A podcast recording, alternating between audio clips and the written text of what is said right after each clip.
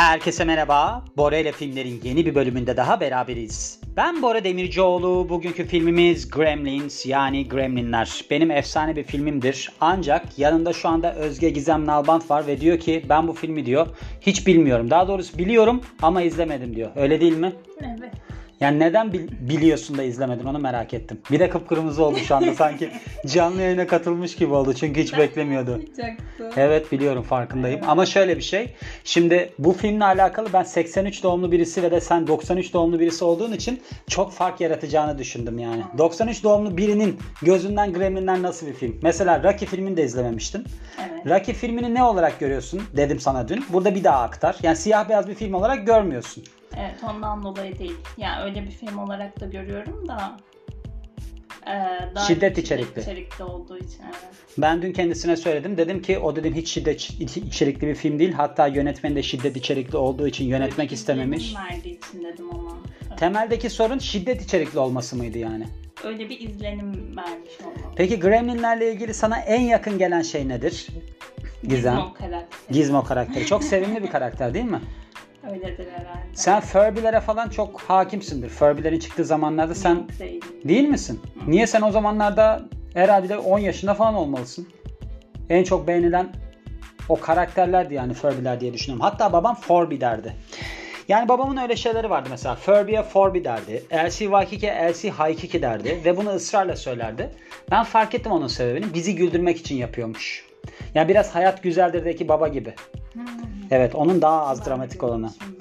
Şimdi Screen Rant'ten gidiyorum burada. 20 tane detaydan bahsedeceğim size Gremlinlerin yapılışıyla alakalı olarak. Bence çok efsane filmdir. Bakın çok ilginç bir hikayem var bu filmle alakalı. Bunların ikincisi vardı. Hatta genel olarak anlattığımda da gişe başarısında biraz başarısızlık gördüm. Üzüldüm. İkincisinde biz annemle bu filme gitmek istedik. Ve sinemada yer bulamadığımız için gidemedik. Yani haftalarca bu filme gittik ve sinemada yer olmadığı için giremedik. En çok afişine bakmıştım yani. Ondan sonra anneannemlerde video kaset çalar vardı. Bizde o da yoktu. Biz tam züğürtmüşüz ya. Şu an düşünüyorum tam trajedi yaşamışım ha. Hani bir çocukluğum sahnelerde geçmemiş yani ona karar verdim. Neyse onlara gitmiştik. Orada da bir VHS kasetin bilmem ne ayarı varmış bilmem neymiş. Yine sorunlu bir şekilde izleyebilmiştim. Çok güzel filmdir. İzlemeni tavsiye ederim yani Gizem. Gerçekten. Ve genel olarak bakarsak Gremlinler 1'e bakıyorum. Şu anda 8 Haziran 1984'te yayınlanmış. Süresi 106 dakika, bütçesi 11 milyon dolar, gişe geliri 212.9 milyon dolar. Ya gerçekten böyle paralar kazanmak istiyorum. Çok sinirleniyorum. 40 yaşına geldim. Hatta önümüzdeki ay 40 yaşında oluyorum. Hala da milyoner olamadım. Yani buradan yanlış bir enerji vermek istemiyorum. Dolar milyoneri olmam lazım. Dolar ya da sterlin olabilirim. Yani şu anda Türk lirası milyoneri olmak için biraz yaşlandım. Yani sen olabilirsin mesela. Şimdi sen 93 doğumlusun. Şu anda TL milyoner olsan iyi bir şeydir. Ben sana diyeyim. Ya biraz bazı şeylerin şimdi beklemen gerekiyor. Yani dolar milyoner olabilmek için. Ben niye bekledim? Niye Türk lirası milyoner olmadım? Doları tercih ettiğim için öyle oldu. Şimdi bu filmi geçtikten sonra Gremlin 2'ye geliyoruz. Joe Dante yönetmeni bu arada iki filminde. Yalnız iki filmin farklı bir tarafı varmış. Şöyle farklı bir tarafı varmış. Mesela Joe Dante ikinci film için demiş ki bütün kontrolü bana bırakacaksınız. Yoksa filmi yönetmem. Sonra da şimdi gişe gelirini görüyoruz. Kendisinin eline bıraktığımız filmin. Bütçesi 30 ile 50 milyon dolar arası. Bu nasıl bir ayrı aralıktır bilmiyorum ama Gişe gelirini söylüyorum 41.5 milyon dolar. Diğerinde 210 milyon dolarlık net kazanç vardı. Şimdi adamın eline bırakınca film çok iyi bir hale gelmiş de denilebilir yani. Çok iyi bir atmosferi vardır bu filmin. Mesela yabancı filmlerde şey vardır böyle işte Noel işte insanlar böyle giderler alışveriş yaparlar ne bileyim Paskalya yumurtaları falan. Ülkemizde tabii Noel falan yani bize çok uzak kavramlar. Öyle algılanmıyor. Ama o filmler böyle kar yağıyor bilmem ne oluyor. O atmosferini çok seviyorum. Mesela Gremlinler de öyle bir filmdi. İşte yılbaşında babası hediye alıyor çocuğa bilmem ne yapıyor falan. Hatta babasını ilk önce satmıyor. Satın almak istediği adam. Böyle yaşlı bir Japon adam gibi bir şey var. Sonra onun bir torunu mu ne var? Ya ben satarım sana falan diyor. Ondan sonra aslında temelinde baktığında Gremlinler'de şey var. Adam satıyor ve diyor ki bunun diyor bazı kullanım talimatları var. Buna uymazsan çok sorun çıkarırlar falan. Gizmo karakterini işte parlak ışığa baktırmayacaksın.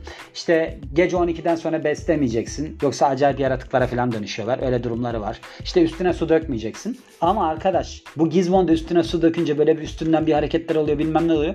Küçük bir tane Gizmo dünyaya geliyor. Mesela ilk dünyaya gelen böyle punktı. Hatırlıyorum saçları böyle mohawk. Acayip tatlıydı. Mesela bir tane çocuk onu aldı arkadaşlarından. Yani bende olsaydı ben o zaman hatırlıyorum. Üstüne sürekli su dökerdim yani. Hani yenileri çıksın falan diye. Tabii yenilere hayırlı olmuyor yani. Hani Gizmo çok iyi huylu bir karakter ama yenilere öyle değildi. Çok yaramazlardı yani. Hatta hatırlıyorum saatin kablosunu yiyorlar bir filmde. Gece yarısını geçmesin diye. Sonra çocuk bunlara yemek vermeye karar veriyor. Bir bakıyor ki gece meğer bilmem kaçmış yani yedikleri için saati. Teknoloji önemli bir şey yani. Ve 1984 yılında gösterime girdiğinden bahsediyor. Başına söylemiştim galiba. Screen Rant'ten gidiyorum bu sefer. Yani Ranker'da yoktu. Ben de Gremlin'leri kesinlikle ele almam gerektiğini düşünüyordum. Bir de bu Gremlin 2'nin çıkış tarihi 1990. Onu da söylemem lazım. Çünkü benim çocukluğum yani 7 yaşındaydım o sırada ve sinema kapılarında sürünüyordum. Yani filme girebilmek için bir türlü giremiyorduk filme. Olmuyordu falan. Haçlı seferine dönmüştü yani benim Gremlinlere girme maceram hani izleyebilmem ona dönmüştü. Onun için de sonuç alamadık. İşte burada demiş ki bunların üzerine su dökmeyeceksiniz. Talimatlardan bahsediyor. İşte parlak ışığa maruz bırakmayacaksınız. Güneş ışığına maruz bırakmayacaksınız. Ve gece yarısından sonra da beslemeyeceksiniz. Bunlara uyarsanız başarılı olursunuz. Uymazsanız çok daha büyük sorunlarla karşılaşabilirsiniz. Şimdi diyor ki burada PG-13 reytingine ta, ta gibi ta ne derler? Tabi. Tabi olmuş bu film. Yani şöyle aslında bu film olamamış. Şöyle şimdi ratinglerden bahsetmem gerekirse film ratingleriyle alakalı. Yalnız şu anda bahsedemeyeceğim galiba çünkü şey dondu. Heh, geldik. Şimdi G eğer ki rating alırsa yabancı filmde ülkemizde böyle değil galiba. Bütün yaşlar girebiliyor. Mesela X alırsa ratingte 17 yaşın altı giremiyor. Yine G'den bahsetmiş. R'den bahsetmiş. R'de de 17 yaşın altındaki kişilerde anne babası yanında eşlik etmeli. Ve şöyle oluyor. Mesela PG-13 ratingi diye bir şey var ki bu PG-13 ratingi aslında 1980'lerde ortaya çıkıyor. Çünkü Indiana Jones and the Temple of Doom ve de Gremlins filmleri aslında şey alıyor. PG ratingi alıyor. Bu da aslında böyle bir tartışmalı duruma yol açmış. Bunlar neden aldılar? Yani PG ratingini neden aldılar falan diye.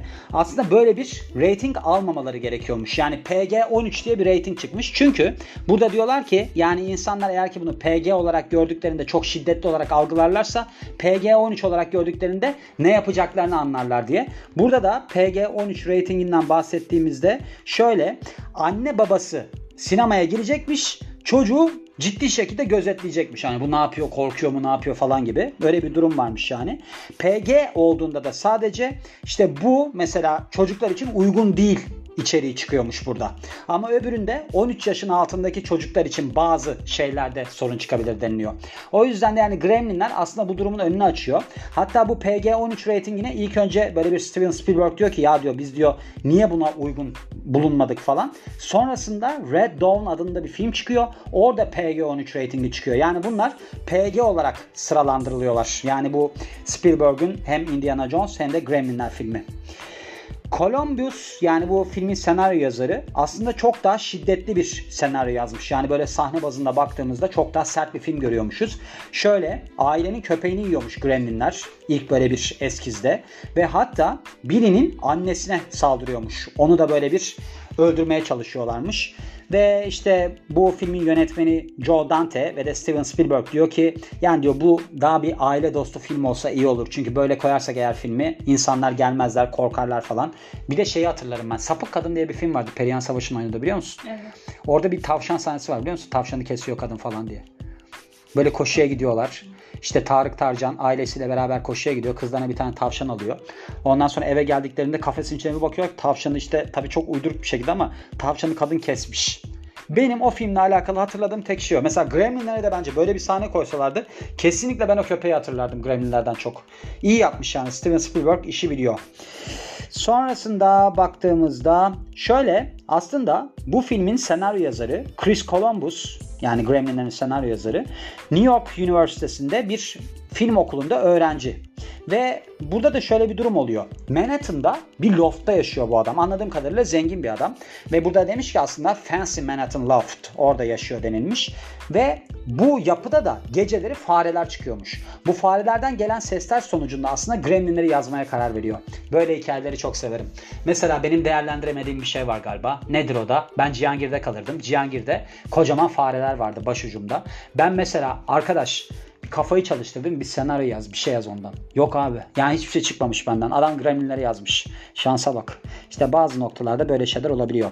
Gizmo'yu seslendiren kişi Howie Mandel'mış. Şimdi ben bu adamı yani şu anda fotoğrafını görüyorum tanımıyorum. Bu fotoğraftan sen tanıyor musun bu adamı? America's Got Talent da varmış. Jüri üyesiymiş. Tanımıyorum. Bu adam seslendirmiş ve aslında burada 3 tane karakteri seslendirmiş. Avantajlı tarafı şuymuş. Aslında tek ses varmış. Yani bu adam seslendiriyormuş. Ancak 3 tane ayrı ödeme almış. Hani 3 tane karakter seslendirdi diye.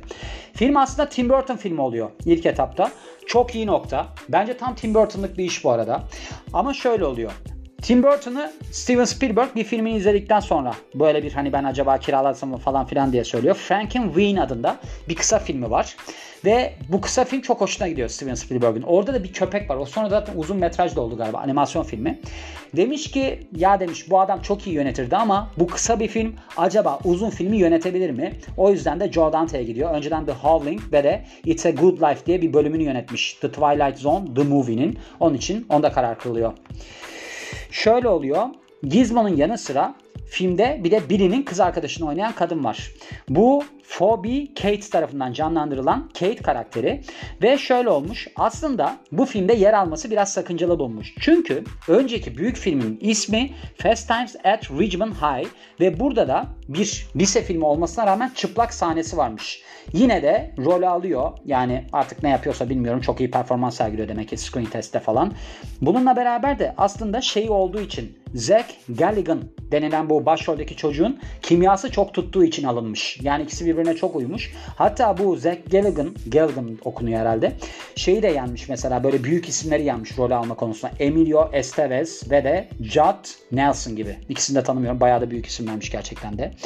Şimdi bu filmi çekerlerken yani 1984 yılı değil mi ilk çıktığı tarih öyle hatırlıyorum. CGI falan yok. CGI zaten ilk Jurassic Park'ta kullanılıyor bu arada. Jurassic Park'ta dinozorlar var ya. O zaman CGI teknolojisi geliştiriliyor film için. Bunu da bilmeni isterim yani. Çok önemli bir bilgi. Çünkü ileride Jurassic Park gibi bir film çekmek istersin. Böyle yapılıyor yani. Ondan önce stop motion tekniğiyle uygulanıyor. Hatta Robocop diye bir film var. İzledin mi Robocop? O da şiddet içerir mesela izleme yani. Ondan sonra o filmde böyle bir mekanik hareketler var. Robotların hareketleri mekanik çünkü robot yani o yiyor. Ama Steven Spielberg Jurassic Park'ı çekmek istediği zaman diyor ki ya diyor ben bu filmi diyor nasıl çekeceğim diyor. Robot değil ki bu hani dinozor. Hareketlerinin akışkan olması lazım filan diyor. Böyle çok çılgın iki tip varmış. Bunlar bilgisayar programcısı mıymış, animasyon şefi miymiş, neymiş? Bir tanesi diyor ki ben diyor onu diyor akışkan hale getirecek bir program tasarlayabilirim bilgisayarda. Onlar diyorlar ki nasıl tasarlayacaksın? O da diyor ki ben yaparım falan. Adam yapıyor gerçekten de. Yani ilk o CGI teknolojisi onda kullanılıyor. Ondan önce de burada tabii ki yok. 84 yılı olduğu için hatta 90 yılında ikincisi de. O yüzden de diyorlar ki biz diyorlar bunu acaba maymunlar olarak mı böyle maymunlara kıyafet giydirerek mi yapsak? Hani böyle bir gizmo kostümünde falan. Ancak maymunlar ışığı görünce işte makyaj yaparken falan kaçtıkları için bu proje iptal oluyor. Gremlinler vs. Furby'ler. Bakın bu Furby çıktığında 98 yılıymış. 98 yılında son 15 yıl 15 yaşındaymışsın. Oynamıyor muydun Furby? 15 değil ben. 98'de çıkmış. Ha 5 yaşındayım. Ay çok kötü ya. Kendimin gençliğine gittim. Ben demek ki 15 yaşında Furby oynuyormuşum. Gerçekten de oynuyordum bu arada. Şöyle. Şimdi 15 yaşındayken Furby'ler çıktı. Zannedersem 21 ya da 22 yaşındayken Gizmo'nun Furby'si çıktı. Burada anlatıyor hikayeyi zaten. Şimdi bu Furby'ler çıktığında da ilk başta şey ben demiştim ki bunlar şey ya Gremlin yani. Niye bunların tipi değişik? Çünkü tipleri hiç Gremlin'e benzemiyordu. Renkli menkliydi. Ama bayağı Gremlin formundalardı. Bunu Warner Bros. da dikkat edince dava etmiş. Biraz böyle bir uzlaşmaya falan varmışlar. Devamında da Gizmo'nun Furby'sini çıkarmışlar. Hatta selam olsun o günlere. Ben o zamanlar televizyonda program sunuyorum. Neyse Dijitürk'te programa çıkarken Gizmo'yu aldım ben. Furby halinde. Bayağı da para verip aldım yani. Böyle alakasız bir dükkanda bulmuştum. Onu programa koyup Gizmo'nun hareketleriyle açmıştık böyle. Nasıl da kafaya aldıysam yönetmeni falan öyle açmıştık programı Gizmo'yla. O derece heyecanlı bir çocuktum yani. Bunlara Furby ile Mogwai diye geçiyor aslında. Gremlinlerin genel olarak baktığımızda Mogwai diye isimlendiriliyordu. Ve bu Gizmo'nun ikinci filmde bir şey var. The New Batch dedikleri ikinci bir filmi var bu Gremlinlerin. Orada da Gizmo böyle aynı Rambo gibi işte bir tane ataçla bak burada fotoğrafı da var. İşte bir kürdanın mı kalemin mi ne ucunu yakıyor. Böyle işte saldırıyor. Rambo gibi bir görüntüsü var yani. Burada aslında Rambo'yu taklit ettiği için stüdyo demiş ki acaba böyle bir hani dava falan edilir mi? Biz sonuçta bunun parodisini yapıyoruz. Yani dava edilmeyeceğine karar vermişler. Yine de Sylvester Stallone'a sormuşlar. Yani biz böyle bir şey yapacağız hani sorun olur mu falan diye. O da hayır demiş kullanabilirsiniz. Çok güzel ya ben böyle şeyleri çok seviyorum. Şimdi burada aslında şeyin bir karakteri var. Bu Gizmo'nun sahibi olan çocuğun kız arkadaşı. Demin bahsettim yani çıplak bir sahnesi varmış da işte alsak mı almasak mı demişler. Onun bir hikayesi var filmde anlattığı. İşte babası bir Noel'de bacadan girmeye çalışırken öyle bir adet var ya Noel Baba kılığında. Oraya sıkışıp ölüyor falan öyle bir hikayesi var. Ve bu bir şehir efsanesiymiş aslında. Yani genelde böyle anlatılan 1950'lerden falan gelen bir hikayeymiş. Öyle filme aktarmışlar. Hatta yönetmen Steven Spielberg demiş ki acaba bu hikayeyi koysak mı çok hüzünlü olur filmin atmosferini bozan falan. Yok demişler. Çok beğenilmiş hatta. Yani bu sahneyi koymaları. Ve ikinci film için demin de bahsettiğim gibi demiş ki filmin yönetmeni ben demiş tamamen kontrolü ele almak istiyorum ikinci filmde. Yani ilk film aslında böyle son derece karanlık bir ortamı olan filmken ikinci film biraz daha böyle bir çizgi film tadında. Böyle işte bir şeyde geçiyor. Haber kanalında falan geçiyor. İşte bir noktada galiba şeye de saldırıyorlar hatta bir sanat müzesi gibi bir şey var. Öyle şeyleri var. O yüzden de hani Demiş ki ben kontrol alacağım ve kontrol almış. Demin gişe başarısını anladığımız gibi bayağı patlamış yani film. Sonra Gizmo ve şey aslında Stripe diye bir karakter var burada.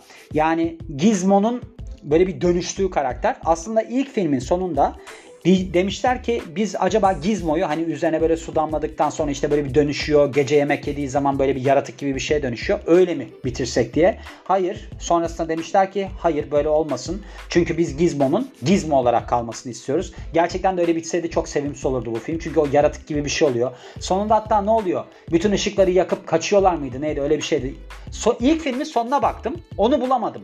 Sonra böyle Hani internette sayfalar falan var ya işte HD film cehennemi bilmem ne. Oralardan bakayım dedim. Orada da işte o sırada spora başlayacaktı. Canberk geldi. İşte bir türlü ben onu izleyemedim. Yani galiba Gizmo ile bu Stripe denilen yaratığa dönüşen karakter bir sonunda bir dövüşüyorlardı falan gibi bir şey oluyordu. Böyle bir durum vardı. Bu filmde kullanılan kuklalarla ilgili çok ciddi güvenlik önlemleri alınmış. Çünkü acayip pahalıymış. Şöyle oluyor. Şimdi bu stüdyo ilk başta maymunları kullanalım diyor. Sonra bakıyorlar ki aa bu yürümüyor. Çünkü maymunlar kaçıyor falan falan. O zaman diyorlar maketlerini yapalım. Maketler inanılmaz pahalı. İnanılmaz pahalı olduğu için şöyle olmuş. Mesela geceleri güvenlikler beklemiş stüdyoda hani çalınmasınlar diye. Hatta setten çıkan ekip elemanlarına falan bagajları kontrol ediliyormuş. İşte oyuncuların bagajları kontrol ediyormuş çalmasınlar diye. Spielberg Gizmo'nun gerçek kahraman olmasını istiyor. Şimdi burada yani hani baktığımızda Gizmo tabii ki kahraman olamaz. Ancak filmin sonunda şöyle şey olmuş işte bu Stripe denilen karakterle Gizmo'nun bir sahnesi varmış. O sahneyi bulamadım. Yani Gizmo o karakterle dövüşüyormuş sonra onu yeniyormuş. O sahneyi bulamadım. Yani bu Billy karakterinden yani başroldeki çocuk karakterden daha büyük bir karakter olmasını istiyorlarmış. Yani kahraman olmasını istiyorlarmış. Çok daha doğru demiş bence yani. İşte bu Joe Dante iki tane de filmi yönettiği için demişler ki hangi filmi daha çok seviyorsun sen? O da demiş ki ben ikinci filmi yani Gremlins 2 The New Batch'i daha çok seviyorum. Ve tabii ki bu şaşırılacak bir şey değil. Çünkü ne demiştik? Bu adama tam yetki verilmiş. O ikinci filmle alakalı olarak. Farkında olmadan ortak evrende geçtiğine dair bir şey var. Ben de bunu anlamadım ne dediğini. Geleceğe dönüşle bu filmin çekimleri aynı yerde yapılmış. Kingston Falls'ta yapılmış. Yani burada şöyle bir espri yapılıyor.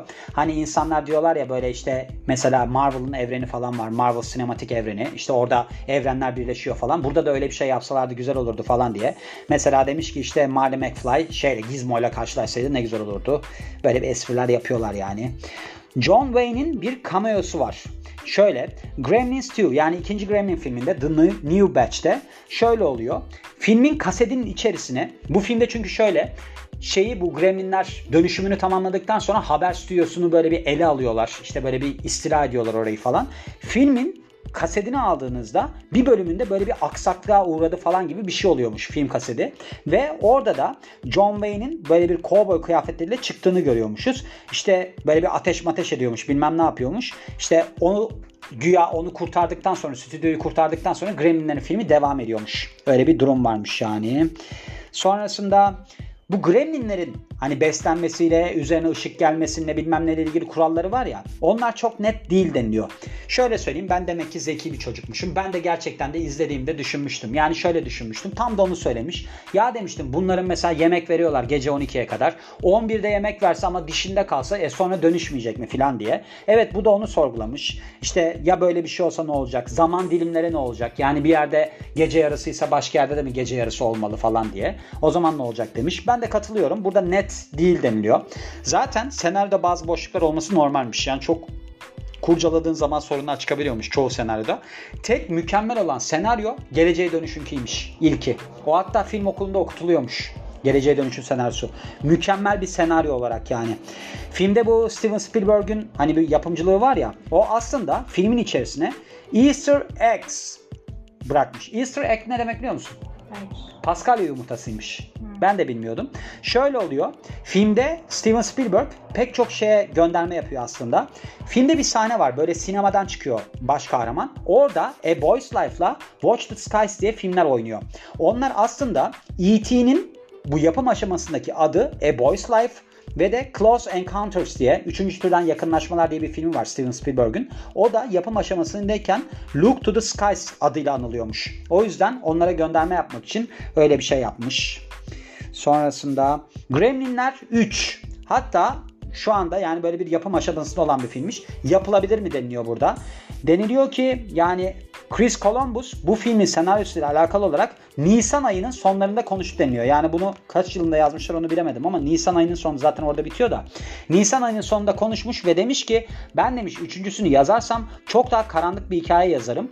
Çünkü ben bu filmi yazarken aslında daha karanlık olmasını düşündüm ki 2018 yılında yayınlanmış bu makale. Yani belki de çıkmak üzeredir bilmiyorum 5 sene geçmiş makalenin üzerinden. O yüzden de mesela şey diyormuş.